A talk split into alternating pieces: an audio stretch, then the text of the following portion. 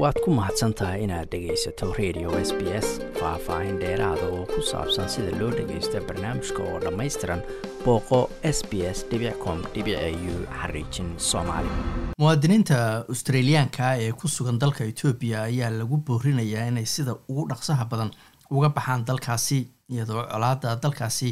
ay markaasi ka sii darayso. Wasaaradda arrimaha dibadda iyo ganacsiga dalkan australia ayaa sheegtay inay ka warhayso kaysas dad ay boolisku xireen oo ay ku jiraan muwaadiniin australiyaana waxayna wasaaraddu ku baaqaysaa in si deg dega loo soo afjara colaadda. Xaaladda amni oo ka soo daraysa ayaa keentay ayaa layidhi in muwaadiniinta australia ee dalkaasi ku sugan loogu baaqo inay si deg dega uga soo baxaan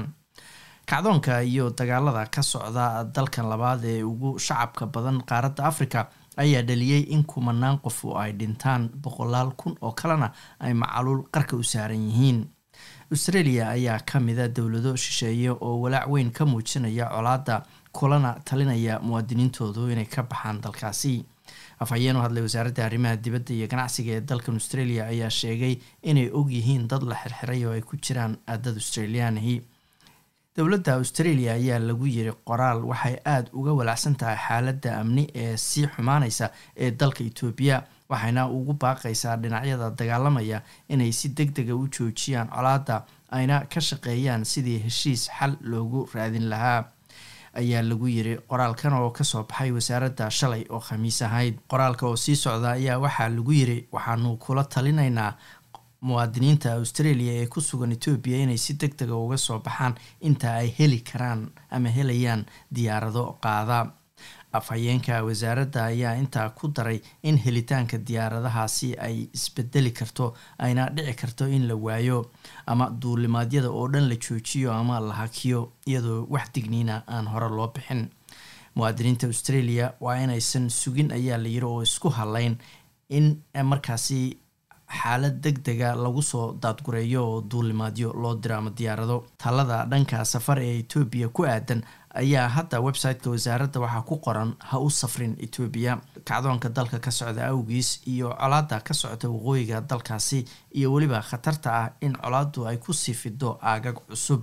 ra'iisul wasaaraha etoobiya abiy axmed ayaa la sheegay inuu gaaray furinta hore ee dagaalka halkaas oo ciidanka dowladdu ay kula dagaalamayaan fallaagada ka timid gobolka tigreega ee waqooyiga. Master abi oo ku guuleystay abaalmarinta nabadda labada kun iyo sagaal iyo tobankii ayaa hadda hogaaminaya iska caabinta weerarada uga imanaya tigreega sida ay ku warantay warbaahinta dhanka dowladda u janjeerta ee fana la yiraahdo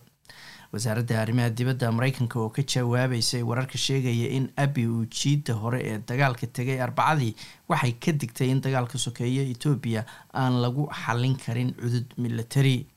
afhayeen hadlay wasaaradda arrimaha dibadda dalka mareykanka ayaa ku booriyay dhinacyadu inay ka fogaadaan hadallada xanafta leh ayna ixtiraamaan xuquuqda bini-aadanka oo ay ogolaadaan ayaa la yiri in gargaarka bini-aadanka la gaarsiiyo dadka u baahan sidoo kalena la difaaco dadka rayidka ah.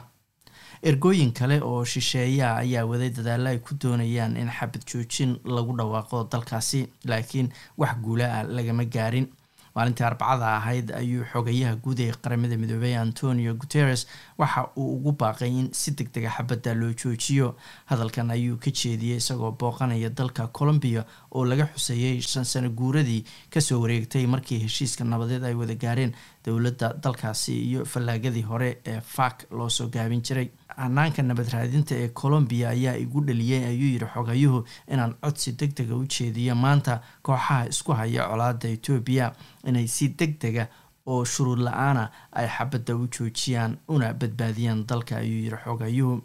dagaalka dalkan ayaa qarxay bishii noofembar ee sannadkii la soo dhaafay markaas oo master abi uu ciidanka u diray tigree si xukunka uu uga qaado ururkii ka talinayay gobolka markaasi ee t b l f ra'isul wasaaraha etoobiya ayaa markaas ku dooday in taas looga jawaabayay weerar ay t b lfta ku qaaday xeryo ciidanku ciidanka federaalka ah oo ay lahaayeen isagoo waqtigaas ballan qaaday guul deg dega laakiin juun sanadkan ayay fallaagadu dib u qabsadeen inta badan tigrey oo ay ku jirto caasimadda makele wixii intaa ka dambeeyana t b l f ayaa gashay oo dagaalo ku qaaday gobollo deriska la-ah sida kuwa amxaarada iyo canfarta waxayna t b l f asbuucan sheegtay inay la wareegtay magaalo laba boqol iyo labaatan kilomitr u jirta caasimada adisababa